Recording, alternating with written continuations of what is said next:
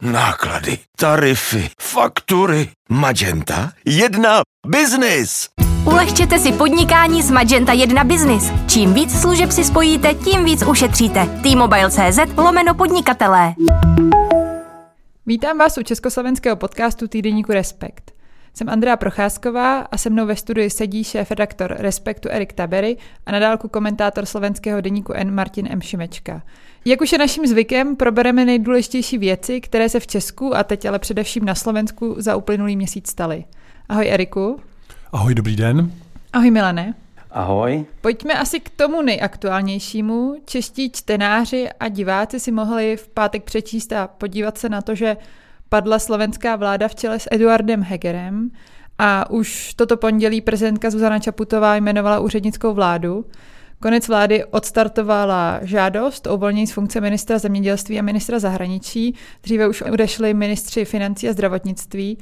Parlamentní volby přitom máte, Milané, až v září a původně se počítalo, že Hegerova vláda dovládne až do nich. Rozpadla se vám vláda, protože už v ní nikdo nechtěl být? No, částečně ano, ale ono je to, každý měl jiný důvod. Eh, ministr eh, zemědělství protože se odstl ve skandálu, protože jeho firma, který je spolumajitel, si požádala o dotaci od ministra životního prostředí a taky ji dostala, ale je to čistý konflikt zájmu. Takže z toho byl poprask, tak on řekl, on si teda tu dotaci nechá, ale zároveň prostě nebude ministrem. Eh, ten není jasné, jak to dopadne, možná ani tu dotaci nakonec nedostane. Minister zahraničí Rasislav Káčer zase se naštval, protože on byl u teda v té nové straně Eduarda Hegera demokrati a prostě nesouhlasil s um, výstupováním premiéra a prostě tím prásknul. A ještě předtím minister zdravotnictví zase byl víceméně odvolán, byť teda sám se vzdal, protože nezvládal některé věci, jako tu stavbu největší nemocnice, která má být na Slovensku. No, takže ty důvody jsou různé, ale obecně se dá říct, že ta vláda se rozpadla v podstatě, protože už tam nebyla vůle ani těch jednotlivých ministrů, kteří eh, v, politice, v politice stejně končí, jako byl třeba minister zdravotnictva nebo zemědělství. No tak eh, to víte, no, to už potom jako se jim nechce moc jako vypracovat, nebo si chtějí ještě nahrávat nějaké peníze na, na poslední chvíli, což je na Slovensku zvykem vždycky, když končí vláda. No ale hlavně ta vláda byla bez zuba, protože neměla oporu v parlamentě, byla tam bez důvěry. A většina politických stran, dokonce i těch, které původně v té koalici byly, vlastně už tu vládu torpedovali. A premiér Eduard Heger, jak se ukázalo, prostě už dávno samozřejmě člověk, který nebyl schopen si vynutit autoritu. Ehm, a tím pádem se to byl takový postupný rozklad, který se možná dal očekávat, jako on se dal očekávat um, systémově, že to asi těžko může přežít do, těch, do toho září. Nicméně nikdo nevěděl, jaký bude ten spouštěcí moment toho pádu a to byla právě ty události posledního týdne. Takže Hegerova vláda byla od prosince bez důvěry parlamentu, zároveň odcházeli ministři a sám premiér zastával nejen svůj premiérský post, ale právě ty dva ministerské posty a teď, teď kdyby na to kývnul a pokračoval dál a Zuzana Čaputová nechtěla úřednickou vládu, tak by, tak by vlastně byl na pěti pozicích zároveň, což asi i on vyhodnotil, že úplně nedává smysl. Eriku, když se na to koukneš teď s těma informacemi, které víš, Dalo se to čekat, nebo si více čekal, že, nebo že si spíše čekal, že dovládne vláda až do září? Tady možná pro české posluchače je třeba připomenout, že na Slovensku v, v tomto formátu vlády není možné jmenovat nové ministry, to znamená, ty úřady potom přecházejí na premiéra. Z tohohle hlediska nastala ta absurdní situace, že už by byl vlastně ministr pětkrát. Já myslím, že, že asi se to dalo čekat, že, že, to k tomu, že to k tomu může dojít, protože ta politická scéna se rozpadá, tříští. Myslím si, že je hodně zajímavá ta debata o tom, která se vede, kterou zmiňoval třeba i Matuš Kostolní, šéf-redaktor e- e- NK, e, teď v Respektu v rozhovoru. Taková ta debata o tom, jestli prezidentka Zuzana Čeputová neměla docílit toho, aby ty volby předčasné byly dřív, aby byly v červnu, že případně si neměla dřív umožnit a úřednickou vládu, že by jí jmenovala ta kritika vlastně na ní vůči ní zaznívá si myslím, že je celkem výrazná a řekl bych od velké části té novinářské scény. Myslím si, že tam je zajímavé, jak se může lišit trochu perspektiva z zemi s nějakou zkušeností, jo? protože my díky tomu, že jsme měli tu podivnou úřednickou vládu Miloše Zemana, která byla vlastně jeho vládou, on do toho vstoupil strašně silově a vlastně uzurpoval si pravomoci, tak já vlastně mám, cítím v sobě, že mám mnohem větší pochopení nebo a, a, souhlas s větší opatrností hlavy státu. A myslím si, že u řady jakoby rozhodnutí vycházíme z toho, jak známe buď to další výsledek, anebo že u těch jednání nejsme a neznáme, jaké všechny ty souvislosti byly. Já jsem poslouchal ten rozhovor, který měla prezidentka Zuzana Čaputová s Morikou Tohdovou na tom protikorupčním festivalu. Tam ona vysvětlovala ty svoje jakoby, důvody, že jich je vlastně jakoby víc, mimo jiné z toho, že prostě uh, ona není ta, která určuje uh, ten čas z toho důvodu, že tam musela být nejdřív dohoda vůbec těch stran, že budou předčasné volby, k tomu se musel přijímat zákon a tak dále. To, to jednání vypadalo patově a zároveň, že nechtěla vstupovat tak silově hned potom s tou úřednickou vládou, že by to vypadalo jako, že si to diriguje sama. Ak by som Hegerovú vládu odvolala a vymenila za úradnícku, trvajúc iba na júnovom termíne, je veľká šanca, že by zmena ústavy nedostal, nenastala a my by sme sa vďaka tomu poloročnej lehote dostali do termínu riadnych volieb alebo niekde, niekde v zime. Zároveň, áno, mohla som tam vtedy vymenovať tú úradnícku vládu a mala som informácie nielen z opozície, ale aj z koaličných strán, ktoré by som vtedy vlastne nenechala vládnuť, že tej mojej vláde by neprešlo, že vôbec nič. A keď som si predstavila, že na jednej strane mám možnosť urobiť akože elegantné štátnické gesto, buchnúť do stola a postaviť si tam svoju vládu, ktorá ale bude vládnuť ta, vyše roka, ktorej nebude prechádzať v krízovom období, v ktorom sme, ani to, čo prechádza tejto vláde, ktorá tam má na telefón e, človeka, majú tam svojich ľudí, poznajú sa osobne, prišli by noví ľudia zvonku, nepolitickí, ktorí, na ktorých by sa vysoko pravdepodobne mstili ľudia nielen z opozície, mne, za to, že by im nič neprechádzalo. Toto si nemôžeme dovoliť. Čiže mne sa zdalo byť bezpečnejšie povedať, že OK, posunou tri mesiace znesiem, ale Hegerová vláda nemá biankošek na to, že dovládne do riadného termí, do termínu predčasných volieb. A já tomu vlastně jakoby rozumím. Já musím říct, že ty, ty, ty Matušovy argumenty a těch ostatní zní hodně přesvědčivě a myslím si, že do velké míry mohou mít pravdu, ale myslím si, že tohle je ta situace přesně, kde my nikdo nemůžeme vědět, kdo má pravdu. A že ten fakt, že prezidentka vyšla stříc těm stranám, nebo prostě minimálně, že ty strany si určily, že, bude, eh, že budou volby v září a ne v červnu. A to, že teď se rozpadla vlastně ta politická vláda a až teď nastupuje její role, z mého pohledu je ten důležitý vklad, že tím, kdo má rozhodovat o těchto věcech, je parlament. Ne hlava státu. Podle mě. Hlava státu má být ten člověk, který řeší prostě v nějakou situaci, vstupuje do toho, třeba když se nejsou schopny ty strany domluvit a tak dále. Takže ta jistá opatrnost mně se líbí, byť rozumím tomu, že eh, kdyby ty volby byly dřív, tak by se možná parlamentu neřešilo tolik, tolik hloupostí. Je to otázku tady mě napsanou, jestli ta situace, do které se slovenská politika dostala, není i trochu odpovědností Zuzany Čaputové. Protože ten protiargument proti tomu, co si říkal, je, je takový, že tam nejde o to, že by rozhodla o předčasných volbách, ale kdyby na stole byla od začátku úřednická vláda už poté, co ta vláda dostala nedůvěru, nebo jí byla vyslovena nedůvěra, tak by přitlačila všechny lidi v parlamentu k tomu, aby odhlasovali dřívější, dřívější termín voleb, protože i ta Hegerova vláda, která by přestala být vládou, by chtěla ty předčasné volby, ale došlo k nějaké neformální dohodě kvůli jako legitimním důvodům, například by byl o, o, dokončen plán obnovy a spousta jako jiných věcí, které vlastně nelze ani jako rozporovat ale ona možná nevyužila toho, že tam je ta situace, kdy vládne vláda bez důvěry, taky úplně není v pořádku. Zvlášť, když nemá podporu pravděpodobně ani v tom parlamentě, ale možná ani v té společnosti po průzkumu. Je to, je to možné. Já bych tady jakoby si použil příměr eh, české politiky z chvíle, kdy padla vláda eh, Václava Klauze v roce 97 a Václav Havel tehdy tu situaci využil tak, že začal jednání o úřednické vládě která potom, jak víme, tak vznikla a získala vlastně i důvěru. A nicméně dokonce potom, když jsem se bavil i s poradci Václava Havla, tak ty zpětně říkali, že si myslí, že to byla chyba, Ne, že vznikla úřednická vláda, ale že byla chyba, že Václav Havel nedal znova šanci Václavu Klausovi, aby se stavil vládu. Možná jsme tady o tom už někdy v nějakém díle mluvili. Tím pádem on umožnil tu interpretaci, že Václav Havel si ukradl politiku pro sebe, že chtěl popravit Václava Klauze, že hrozí vlastně ta nepolitická politika a tak dále a tak dále. A dopadlo to tím, že vznikla opoziční smlouva. A vedl volby, měl čas na to vést volby ano, tím intenzivním Klaus, způsobem. Ano, přesně tak a využili to vlastně všichni. Všichni víceméně využili té situace. A přitom ta úřednická vláda mimochodem vůbec nebyla špatná. Každý případ je něčím jiný.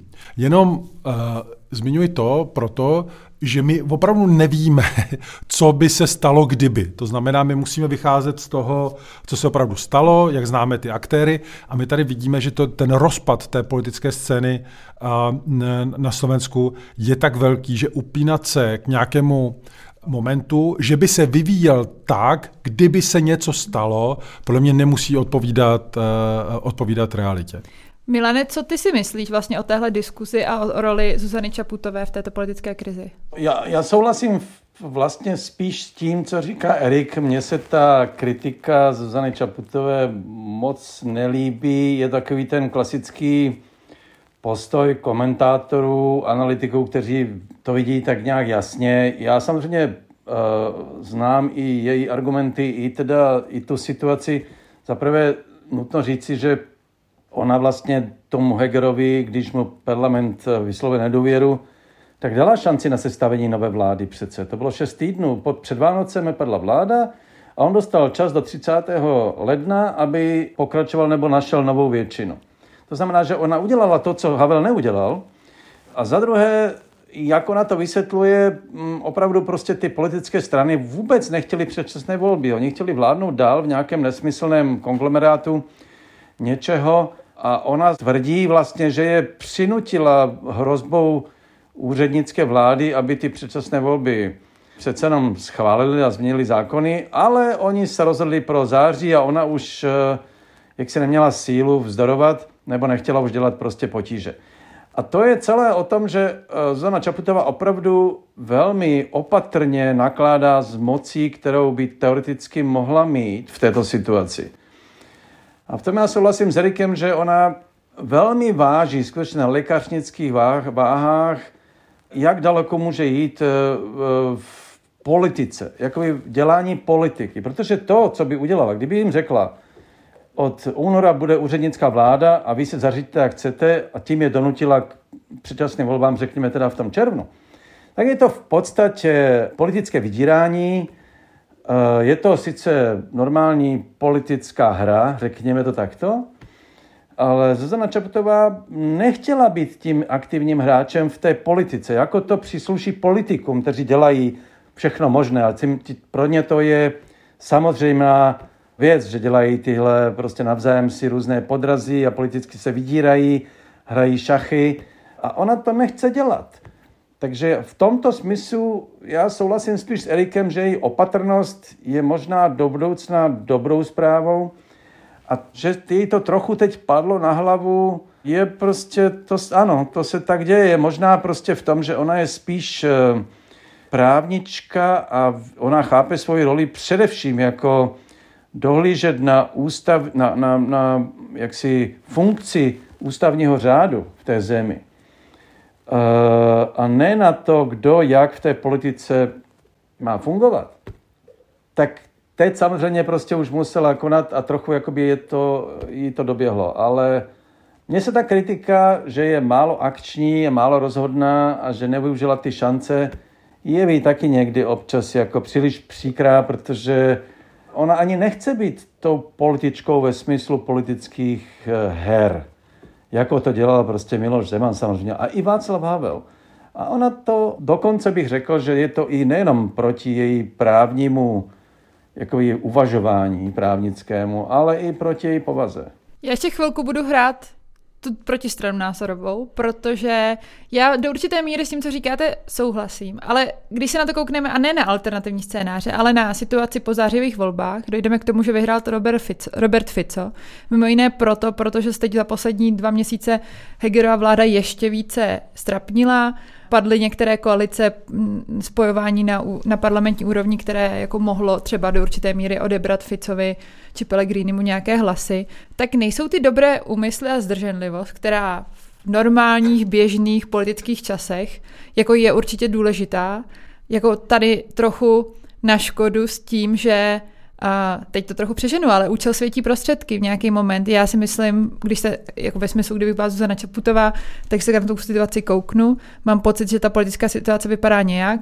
Vidím průzkumy veřejného mínění, vím, kdo sedí v parlamentu a zároveň vím, že se blíží nějaká katastrofa. Tam nejde ani o překročení ústavnosti, tam jde, že, tam, tam jde o to, že jdete na hranu nějaké ústavnosti, protože máte pocit, že to dává smysl. Tak není to něco, co by si ten politik, i když chce být hodně zdrženlivý, měl čas od času dovolit? Eriku? No, eh, určitě ano, ale hlava státu není vychovatel. To znamená, ti politici přeci jsou své právné bytosti, které by měly vidět, co dělají a za to nesou oni odpovědnost, ne hlava státu v tomto ohledu. Samozřejmě máš pravdu v tom, nebo eh, kam směřuješ, že ve chvíli ta vláda třeba nemá důvěru a je taková jakoby kolísavá, tak logicky ta odpovědnost té hlavy státu je mnohem vyšší. To nepochybně, ale já myslím, že nejde nahrazovat buď to neschopnost nebo nekompetenci politických stran kompetencí jednoho člověka. Ten má určovat podle mě pravidla, eh, mantinely, což se tady dělo a asi ano, někde šlo jakoby občas, eh, nebo vždycky jde udělat něco víc jako i v tom zákulisí. A nicméně, já myslím, že tady je ještě jeden motiv, který jsme eh, ne- nezmínili. Jako já vůbec nepochybuji o tom, že Zuzana Čaputová sleduje tu politickou scénu i s tím, že se blíží volby, v té vládě, která teď končí, byli přeci jenom politici, kteří chtěli vstoupit eh, nebo vstoupili vlastně na, do toho klání s nějakým novým projektem a patřili mezi demokratické strany, demokratické projekty. A takže já bych asi, si myslím, že ona asi i přemýšlela o tom, jak eh, jako neodstřelit ty demokraty eh, s malým D i velkým D, protože Heger založil stranu demokraté, tak aby se ukázali. No fakt, že oni jsou tak strašně nekompetentní, to už je asi něco, co, co nemůže ovlivnit, hra, ovlivnit hráč zvenku a myslím si, že v tomhle ohledu ta jako úplná tragédie vlastně té situace padá na hlavu Hegra, a, ale samozřejmě by se nemělo zapomínat na to, že tím spouštěčem vlastně víceméně úplně všeho, o čem mluvíme, je Matovič. Jednoznačně. Milane, já tě nechám odpovědět. Ještě jednu věc k tomu řeknu. Té tvé odpovědi předchozí si říkal, že Zuzana Čaputová vlastně nechce být politička a hrát ty politické hry. Zmínil si Miloše Zemana, ono se ty hry asi dají hrát i jako lépe a ne úplně se špatnými úmysly, jako to třeba hrál Miloš Zeman. Ale jako Zuzana Čaputová není nepřímo volená prezidentka, ona je přímo volená prezidentka, ona má stejnou legitimitu, jako mají ty lidé v parlamentu, tak není to trochu jako ulehčení si té své pozice, že vlastně já nejsem ten aktér politický, který má vstupovat do toho dění, protože nejsem členem parlamentu, ale jsem jediný hráč, hlava státu, možná trochu s jinou rolí, tomu rozumím, ale do určité míry, když jde na to rozhodování finální, tak možná jako s podobnou odpovědností a legitimitou. Andro, to je právě otázka, proč byla ona zvolena nebo respektive proč lidé volí prezidenta. A, a to je otázka, jestli ho volí proto, aby zasahoval do politického dění, nebo naopak aby byl nad ním a chránil teda tu ústavnost především, což ona dělá velmi dobře. To je tak, kdybych já byl prezident, což jako teoreticky, já bych to určitě udělal, že bych jmenoval tu úřednickou vládu, abych donutil ty politické strany k černým, černovým volbám. Ale ona je prostě jiný typ eh, člověka a, a vyhýbala se tomu, aby byla aktivistkou v té politických hrách, s tím, že by na ní teda, a ne, nemyslím si, že by to dělala kvůli tomu, že by na ní padlo nějaké podezření, ale nechtěla vlastně být jakoby tím, kdo si ty pravomoci eh, vezme příliš jakoby silou, byť na to měla nárok. Eh, opakuju, je to v její povaze a je to ten ty prezidentka a proto mě ta její kritika, já můžu kritizovat, já jsem taky řekl, že, že si myslím, že to byla chyba, ale nemyslím, že to byla chyba za prvé, že by to teda nějak významně poškodilo uh, tu zemi, protože, protože ono opravdu to, že budou volby v září nebo byly v červnu, podle mě by dopadly stejně, teda dopadnou stejně. To je úplně navíc opozice. Fico velmi i s Pelegrinem žádali volby už v červnu. Oni je chtěli. A to už dneska nevíme, jestli to, jak by to dopadlo, kdyby to bylo v červnu nebo kdyby to, bylo, kdy to bude v září.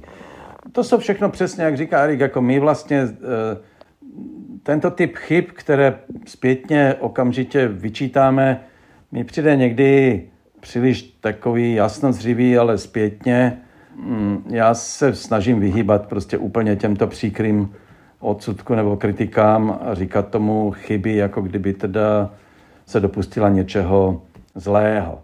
Řekněme, že já bych asi konal jinak, ale teď se ukazuje, že ona jim řekla, Hegerovi řekla dávno, když si samozřejmě, když, a řekl to veřejně, když ta vláda nebude prostě dostatečně výkonná, nebude schopná, no tak prostě tu úřednickou vládu eh, se pro ně rozhodne.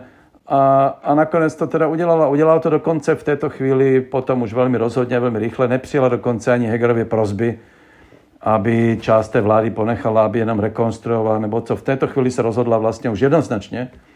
Takže ona, když na to přijde, tak eh, umí se rozhodnout, řekněme, prostě úplně jasně. Před rezignací ministra zahraničí došlo k projevu Eduarda Hegera ve slovenské televizi a, a on v něm vlastně mluvil o tom, jak jsou ve všem špatný, jak jim nic nejde a že to je jejich chyba a jejich odpovědnost, ale jako když jsem na to koukala, tak jsem si říkala, že tam teda nic pozitivního ve smyslu nějaké vize nebo co s tím budeme dalších pět měsíců dělat vůbec nezaznělo. Chaos jsme priniesli aj my. Áno, priznávam. Na chaose mám nepochybne svoj podiel viny a ja. Pozeral som sa na hádky Matoviča, Sulíka a ostatných. Hrízol som si do jazyka a trpeli hádky a konflikty. Ale robil som to, aby som udržal zhodu vo vládnej koalícii a predišiel nestabilite. Dnes viem, že to naopak prispelo k väčšiemu chaosu v krajine. V mene ľudí, ktorí nesú zodpovednosť za krajinu, mene svojom vám chcem povedať, prepáčte mi to. Jediné, ako môžem očiniť svoje chyby, je snažiť sa priviesť Slovensko stabilne a v pokoji k demokratickým parlamentným voľbám. Chcem to urobiť ako premiér – Neviem si predstaviť, že by teraz nastúpila úradnícka vláda. Na miesto našich ministrov nastúpili ľudia, ktorí by možno mali dobré úmysly, ale nemajú skúsenosti. Neprešli si skúškami ako my. Nemajú kľúčové vzťahy v zahraničí. Museli by sa učiť a ohrozili by ako takú stabilitu, ktorú sa nám podarilo udržať. Uvedomujem si však zodpovednosť pani prezidentky. A viem, že jej ide tiež o dobro a stabilitu našej vlasti. Budem rešpektovať, ak bude mať na vec iný názor a rozhodne sa inak. Nevím, jestli jste ten projev sledovali, ale zajímalo by mě nejen to, co jste na něj říkali, jestli to bylo vůbec politicky jako šťastné, protože nejen, že to pak vynutilo rezignaci ministra zahraničí, ale obecně to trochu vlastně spochybnilo pozici Eduarda Hegra, ale také to, co jste si o něm mysleli jako o premiérovi. Eriku? Myslím, že to byla chyba ve strašně moc sférách, protože takovýhle druh jakoby sebekritiky eh, samozřejmě může být důležitý a může být efektivní ve chvíli, kdy má potom člověk nástroje na to, aby ukázal změnu. Otočil to kormidlo úplně někam jinam. Jestli on si myslel, že v menšinové vládě, kde už mu chybí někteří ministři, kdy ten tlak roste, kritika, nespokojenost a tak dále, to otočí jen tím, že řekne, dělali jsme to špatně, tak to byla taková naivita, že pro mě nemá co v politice dělat. To není vybírání si nějaký variant, kde jedna může být špatná, jedna horší a, a, a člověk se nějakým způsobem rozhoduje. On prostě udělal úplně čistokrevnou chybu. Podle mě je to projev zoufalství. Pochopitelně částečně za to jako nemohl, prostě ta situace se rozpadala kolem něj, ale podle mě to bylo stvrzení toho, co si vlastně veřejnost myslela o něm, co si myslela o této vládě a de facto mám trochu obavu teda, že to může být i širší vnímání těch demokratických stran, ale to uvidíme. Nicméně jakoby úplně čistě politicky podle mě to byla jasná chyba. A co si teda myslela veřejnost a co si myslel ty o premiérovi Hegerovi? Jako politikovi. Jeho výhoda byla rozhodně po Matovičovi a po těle těch eh, eh, jakoby politicích, že to byl člověk mnohem slušnější, věcnější, evidentně se snahou se domluvit. Myslím si ale, že mu chybí politický instinkt, že mu chybí nějaká vize. Je třeba říct, že ta vláda udělala si myslím spoustu i, dobrých věcí, vy třeba i pomoc Ukrajině a na některé ty věci to chtělo odvahu, takže nechci vypadat jako, že ta vláda byla jako jenom, jenom špatná nebo jako katastrofální, ale z toho politického hlediska tam bylo vidět, že to je špatně a ono to bylo mimochodem vidět špatně už na tom, jak strašně dlouho váhal, jestli má vůbec vystoupit proti Matovičovi a v jaké, v jaké podobě. Tam bylo vidět, že mu chybí prostě nějaký politický instinkt a bohužel v jeho případě nenašel nic, čím by ten instinkt nebo něco jakoby nahradil, co by ukázal dobře, tak není to homus politicus, ale je to aspoň člověk, který má nějakou představu, jak to má fungovat a umí to naplnit. Tady to prostě nebylo. Milane, jak jsi vysvětlil ty vystoupení Hegera? Byla to politická předvolební kampaň? Samozřejmě. A, a to mě na tom teda hodně vyrušilo, jako hned jako na první, protože on si požádal o projev ve slovenské televizi, který měl mít nějaký zásadní charakter, ale ve skutečnosti neřekl nic, jenom to, že se omluvil veřejnosti za své selhání a pak jako dal najevo prezidence, že teda on nechce odstoupit a, a žádají teda, aby ho nechala pokračovat. Což vlastně není žádné, žádná vážná věc, kterou by musel teda říkat v televizi ve zvláštním programu, kde prostě si vyžádá vystoupení.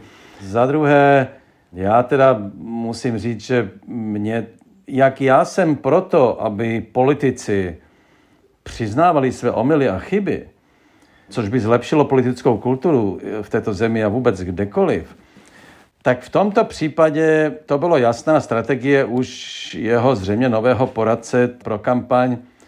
To je ten slavný Michal Repa, který myslím dělal kampaň a teď nevím komu, jestli z Pavlovi nebo ne, nevím komu.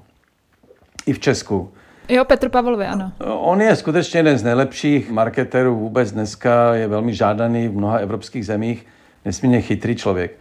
A to bylo evidentní, že vlastně se zkouší jako trochu přetočit prostě tu pověst Hegeru jako slabocha s tím, že přizná chybu, tak by ho to mělo posilit. Ale v tomto případě to prostě nemohlo fungovat, protože ta hlavní chyba, kterou on jako tak zamlžil, ale byla ve skutečnosti v tom, že se nechal vláčit tou politickou scénou a především Igorem Matovičem, od kterého se odmítl odpojit.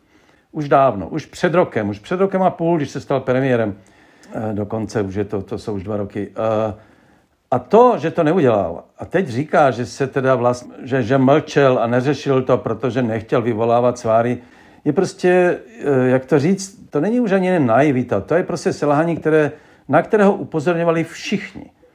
Ale to byly, to byly stohy komentářů. Já si pamatuju, že já jsem s ním jednou mluvil. On je zase člověk, a to musím říct, že to opravdu on je velmi milý člověk, je takový, jak to říct, prostě člověk, kterého můžete, kterého můžete říct strašné věci, jak je špatný premiér a on se na vás usmívá a říká, děkuji vám za kritiku. ale s tou kritikou nic neudělá. Tohle se mu já, se jenom já sám, ale, byl, ale byly desítky dalších. Říkali už před rokem, že to je neudržitelné, že ten Matovič ho prostě zničí a nejenom jeho, ale celé Slovensko. A on se ho nevzdal. Takže on dneska, když říká, že udělal chybu, no tak jak se to dá vysvětlit, že udělal chybu, o kterému všichni říkali, že to byla chyba už dávno? Tak teď už je opravdu pozdě. To už je jedno, že to říká teď. A to, proto to já vnímám jako velmi vlastně neupřímné a spíš jako politickou kampaň. A vlastně mě to, tato omluva mě irituje. Než se dostaneme k fenoménu úřednické vlády v Česku a na Slovensku, tak by mě ještě zajímal váš pohled z odstupu krizi slovenské politiky a společnosti, o které se tady bavíme téměř v každém díle, hrálo roli určitě několik stovek tisíc detailů, které nemá teď cenu jako detailně rozebírat. Ale dokázali byste vystihnout nějaké jako zásadní momenty, prostě dva, tři, které dovedly Slovensko do, te, do tohoto stavu, ve kterém je dneska. Protože kdybychom tady seděli v roce 2018 a někdo by nám řekl, že Robert Fico vyhraje příští parlamentní volby, teda ne ty, co vyhrál Igor Matovič, ale ty, ty, co teď čekají Slovensko, tak bychom asi mu nevěřili. Tak co se stalo? No, já kdybych měl říct tři, tak řeknu, eh, nepadají dva, jeden je Igor a druhý je Matovič. Eh, protože tam je všechno. Jako, ono to může znít jako bonmot, ale, ale vážně, protože když se podíváme na to, co rozbilo vládu? Matovič, spory s, s Matovičem. Když si vezmeme, proč byla nekompetentní třeba při řešení covidu, to byl Matovič a jeho ty přes noc ty návrhy a tak dále. Když vezmeme jitření společnosti, výroky a tak dále, no zase Matovič. Jasně, potom se dostaneme k tomu, že tam byly nějaké další spory, já nevím, třeba se Saskou a nějaké další jako eh, detaily a, a potom samozřejmě teď to finále a Heger a, a, a ten Vlčan a tak dále. Nicméně jako tam to nejde od něj odpojit, on je opravdu jako ten ústřední bod eh, těch problémů. Proto on, když, když teď se rozčiluje nad média a, a, říká, jak vůbec může někdo přemýšlet o tom, že bude vláda s Pelegrinem a já nevím co všecko, tak opravdu jakoukoliv odpověď on hledá, ji najde v zrcadle. Nikde jinde. A jako on to nepochopí, to už je vidět, to je nikde jinde, ta jeho realita, ale jako fakticky to nic nezmění. Co ty, Milane, co bys ty označil za zásadní momenty? Já souhlasím s Erikem, myslím, že to je přesně tak. No a tím, že byl premiér a dostal 25% ve volbách, tak prostě celou tu jako politickou scénu to zničilo, protože ta obrovská síla těch voličů, který měl za sebou, mu dávala moc, která, kterou zneužil vším možným, všemi možnými způsoby. Ale jako několik momentů tam bylo a to byl, jeden byl prostě hned, hned po té pandemii, která ještě ta veřejnost důvěřovala té vládě a ta pandemická opatření byla nastavená, ale vlastně už někdy v, v květnu nebo v červnu už začaly hádky o tom mezi Sulíkem a Matovičem, o tom, že já ne, tehdy to bylo jedno, to prostě šlo o to uzavřít okresy a teď najednou byly kolony prostě aut na, na hranicích okresů a začaly hádky o tom, že takhle to nejde. A tam najednou prostě vybuchl spor, který potom už se vlkl celá léta. Další byl, když Matovič udělal to masové testování, což bylo testování v podstatě ani ne tak virusu, jako spíš schopnosti nebo ochoty veřejnosti nechat se manipulovat Igorem Matovičem, který zjistil, že vlastně to jde a pak to dělal už pořád. No a veřejnost mohla sledovat prostě vlastně jenom neustále hádky, um, ale jak říká Erik, Matovič byl samozřejmě klíčem k tomu všemu. Kdyby to nebyl on, kdyby tam byl, kdyby neexistoval v politice Igor Matovič, ale měli by ty voliče i, i ta, byl by místo Heger, tak by to samozřejmě asi vypadalo lépe. Mimochodem, když ten Matovič už nebyl ve vládě, tak ta vláda Hegerova, byť s nedůvěrou, ona vlastně fungovala docela slušně ty poslední měsíce. Tam žádné hadky nebyly, relativně normálně, racionálně. Ale souhlasím s Rikem, je to tak. Je to prostě neštěstí slovenské politiky a že ti ostatní hráči v podstatě nebyli se schopni sjednotit proti Matovičovi, a shodnout se na tom, že ho musí z té politiky vypudit, protože každý z toho nějakým způsobem těžil. Zejména Boris Kolár, předseda parlamentu a jedné strany koaliční, ale eh, já se ještě vrátím k tomu Hegerovi. Aby člověk pochopil, zejména v Česku, slovenskou politiku a, a lidé jako je Heger nebo Matovič, tak musí vzít do úvahy, a u Hegera to platí ještě víc, že mm, je tam jakýsi hluboký a pro, pro, pro českého posluchače iracionální postoj ke světu a vůbec k realitě. Heger je totiž hluboce věřící křesťan. E, to je nutno jakoby dodat. To, to, to vysvětluje jeho pro nás nepochopitelnou iracionalitu a hlubokou víru, že to všechno dobře dopadne. Prostě, že on je nějakým způsobem vyvolený, protože Bůh řídí jeho kroky. Já vím, že to v českém prostředí zní směšně. U Edwarda Hegera je to prostě alfa omega jeho, jeho bytí a chápání reality. On byl přesvědčen, že Bůh si ho vyvolil, aby byl premiérem a že nedopustí, aby se něco špatného stalo jemu nebo prostě věcem, které on řídí třeba vládě. To tak bylo. A navíc on samozřejmě věřil teda i Matovičovi, proto se nebyl schopen zdát, protože s Matovičem byli prostě spolu i jako věřící byli na jedné lodi. No a to je potom těžké vysvětlovat eh, jaksi psychologii prostě nebo, nebo jako chování politiků, když nevezmete v potaz tuto zvláštní, tento zvláštní rys slovanských politiků, jako je Heger a Matovič. Tak uvidíme, jestli Bůh zařídí, aby jeho strana demokraté překročila aspoň 5% v září. Nicméně Slovensku teď povládne úřednická vláda, její přesné složení se asi dozvíme během tohoto týdne. Když se koukneme na českou politiku, tak my jsme, máme už tři zkušenosti. Erik zmiňoval Josefa Tošovského v roce 98, pak máme Jana Fischera v letech 2009 a 2010 a, a poslední Taký jako úřednický kabinet byl uh, Jiřího Rusnoka v roce 2013 až 2014. Já jsem ale zaznamenala na Slovensku určitou paniku, uh, když se řekne nahlas úřednická vláda nebo vláda úředníků. Tak jak to, Milane, jak se to vysvětluješ? No, ta panika, ano, je to prostě, protože to dědictví první republiky, kdy úřednické vlády byly taky běžné a v Česku, kdy ta zkušenost s nimi je vlastně relativně dobrá, tak na Slovensku nikdy ta, ta zkušenost první republiky jakoby je zapomenutá a my jsme nikdy úřednickou vládu neměli. Tak jako a ti politici to považují za eh, přímý útok na ně samotné. Že teda jsou zbavení svého politického mandátu eh, vést zemi. Eh, a protože se to všechno egomaniaci, tak prostě to vnímají takhle. Svědčí to o jisté neschopnosti vnímat stát jako něco, co je nad nimi. Oni prostě stát vnímají jako svoje pole působnosti a když jim ho někdo vezme, no tak samozřejmě to považují za zradu. E, to je jedna věc. V tomto případě ještě je to druhá a to, že větší část té politické scény se hrozí toho, že Čaputová prostě najednou, jako řekněme, by neměl, bude mít rukou příliš velkou pravomoc, a když se díváme na ty české úřednické vlády, tak ta slovenská, byť v úplně jiném formátu, se blíží Rusnokově, protože nebude mít důvěru, to je samozřejmě, je to fakticky prezidentská vláda, prezidentka Čaputová zcela zjevně, buď už ve shodě s uh, Ludovitem Odorem, který ty bude premiér, nebo možná i bez něj, to nikdo přesně neví, ale vybírá ty ministry, o tom není sporu. Takže ty první dvě české úřednické byly vlastně ve shodě, dostali důvěru parlamentu a, a taky byly oblíbené a byly to vlastně napůl politické vlády svým způsobem. Takže toto bude úplná novinka a já jsem sám zvědav, jak ta, především jak to slovenská veřejnost přijme. To bude velmi zajímavý úkaz. Ono, když se řekne úřednická vláda, tak to úplně nemá žádnou definici, že jo? To je prostě takový fenomen, který my nazýváme nějakým způsobem.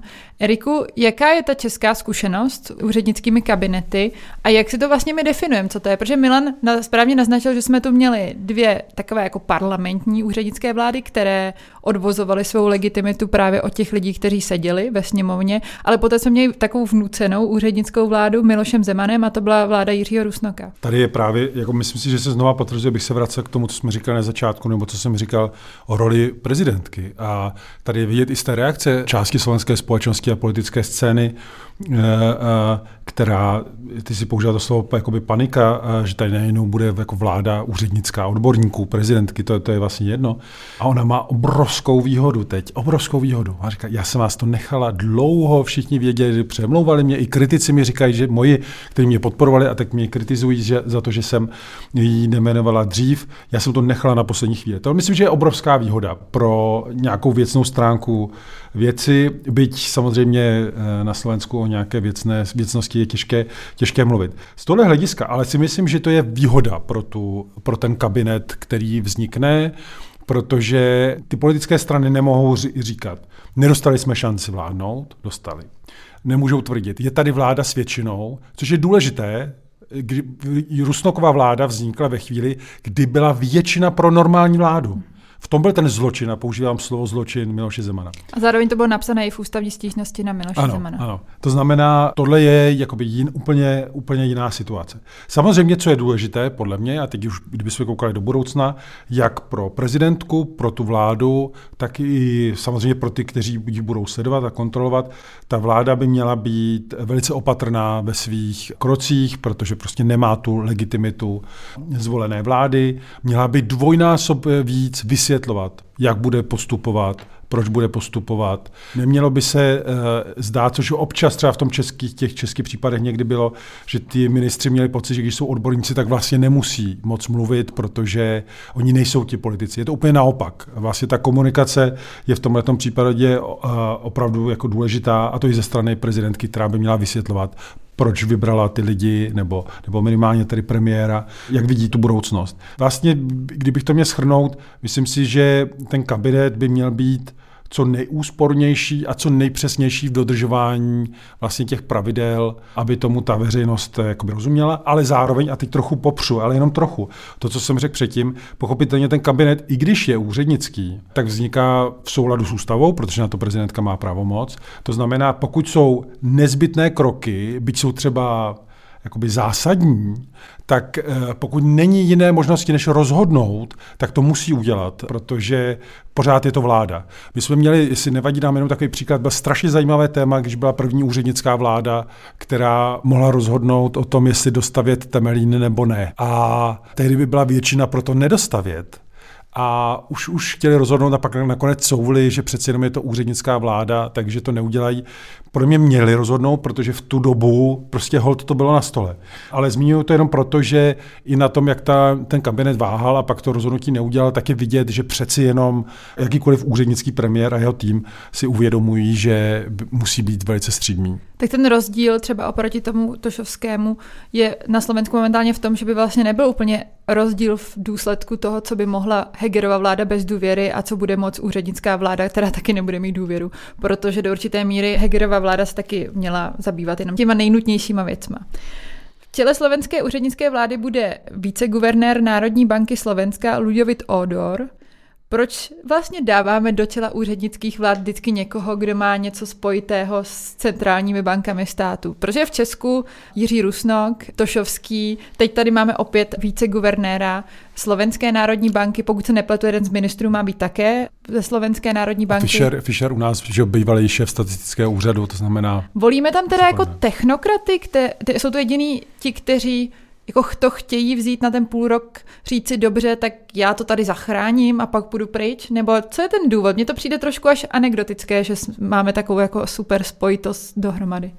Ano, ale já si myslím, že trošku je to spíše schoda okolností. Uh, nicméně důležitá je v tom, že že ten člověk, který bude teda premiérem, má ekonomické zázemí a, a má případě Ludovita Odora mimořádné, mimořádnou pověst, jakoby dobrou v ekonomických kruzích.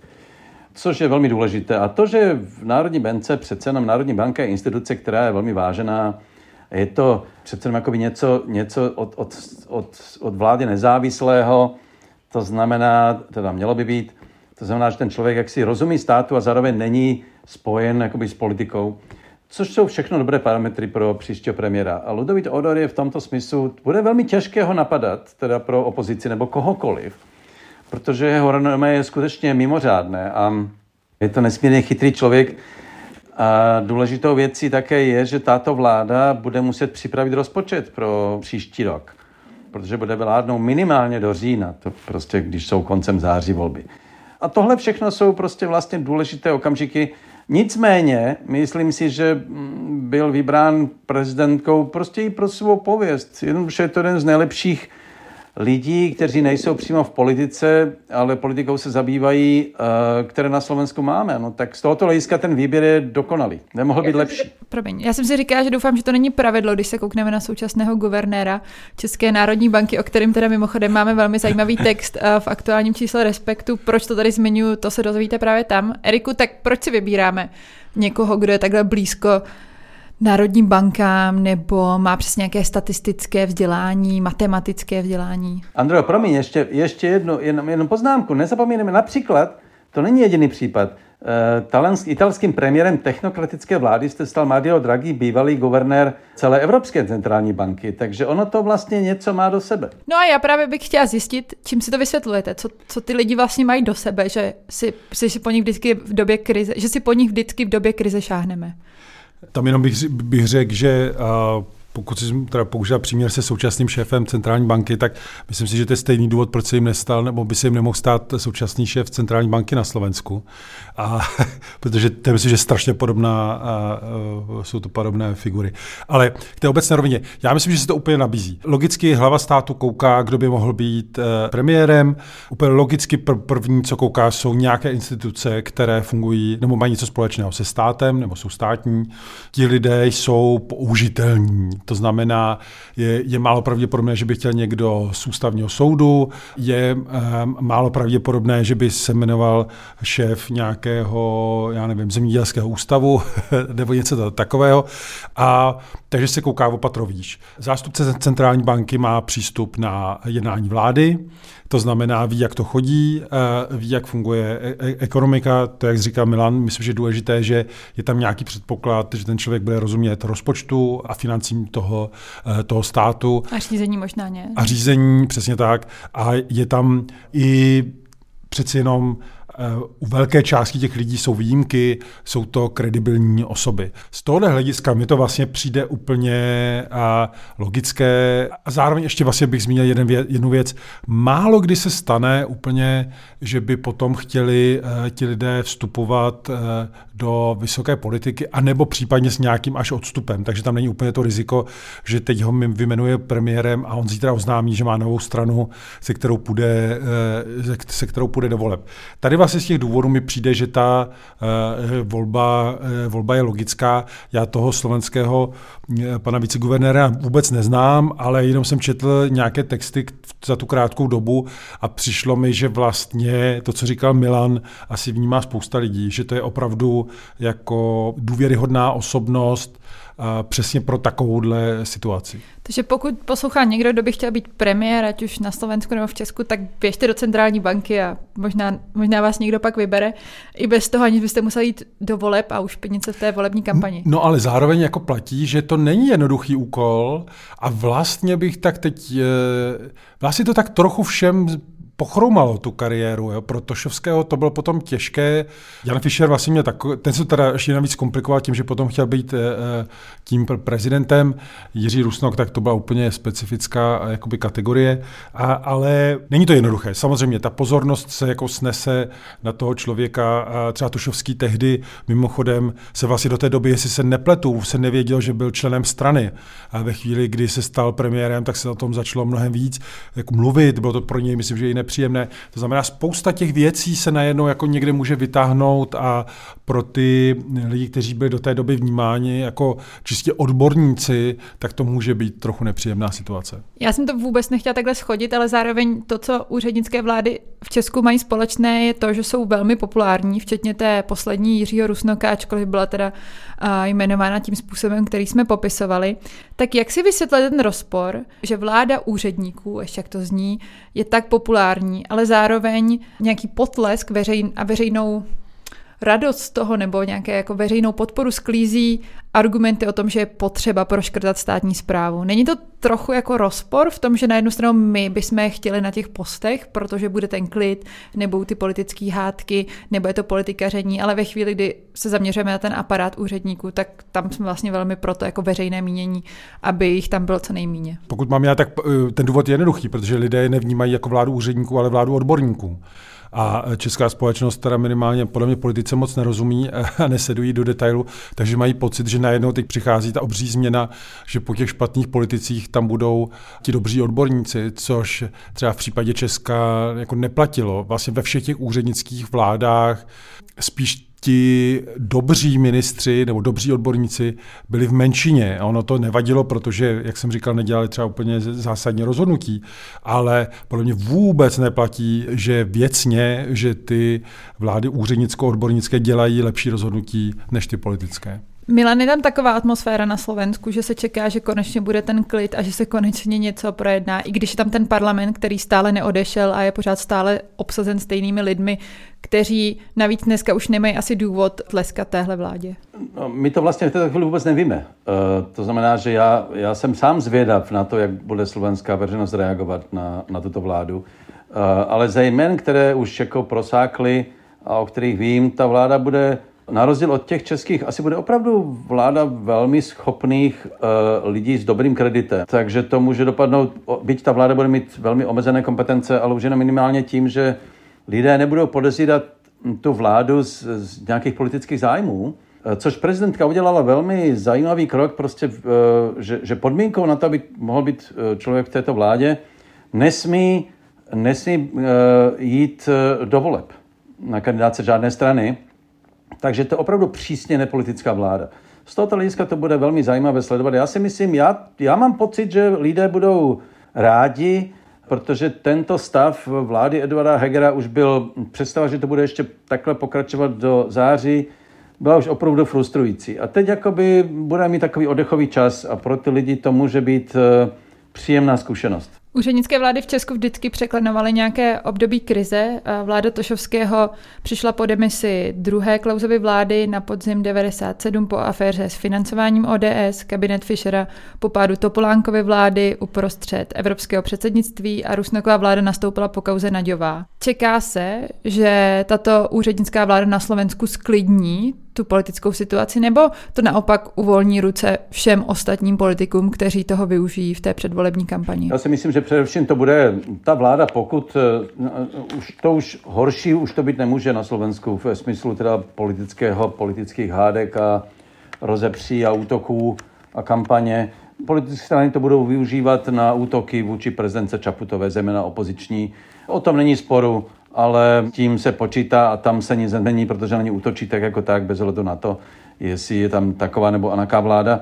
Takže mám pocit, že to už jako opravdu horší být nemůže ty situaci to může vlastně jenom trochu jenom zlepšit, když teda vůbec mám nějakou naději. Eriku, může to mít vliv na popularitu Zuzany Čaputové, protože ona v březnu 2024 možná bude kandidovat, ještě to neoznámila, ale je, je to přece jenom spíše její vláda, protože ji iniciovala, i když tam jsou ty důvody, které jsme zmiňovali, tak může to jí to pomoct nebo naopak uškodit, pokud by se rozhodla kandidovat na hlavu státu? Je to těžké uh, předvídat. Ona mimochodem teď někdy v blízké, blízkých dnech, možná týdnech maximálně by měla oznámit, jestli bude kandidovat.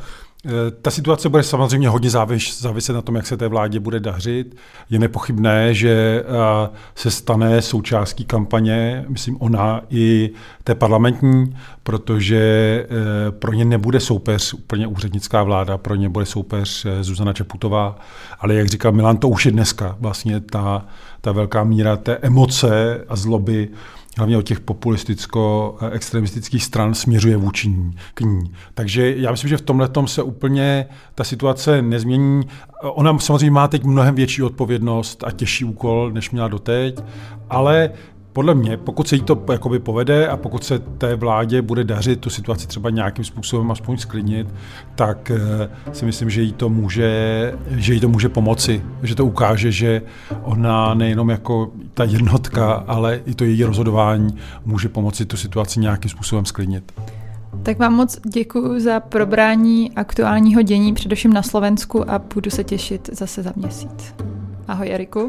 Ahoj, nashledanou. Ahoj Milane. Ahoj Andrejo, děkuji. Ahoj. To byl československý podcast týdeníku Respekt. Ve studiu byl Erik Tabery a Martin M. Šimečka. Od mikrofonu se loučí Andrea Procházková.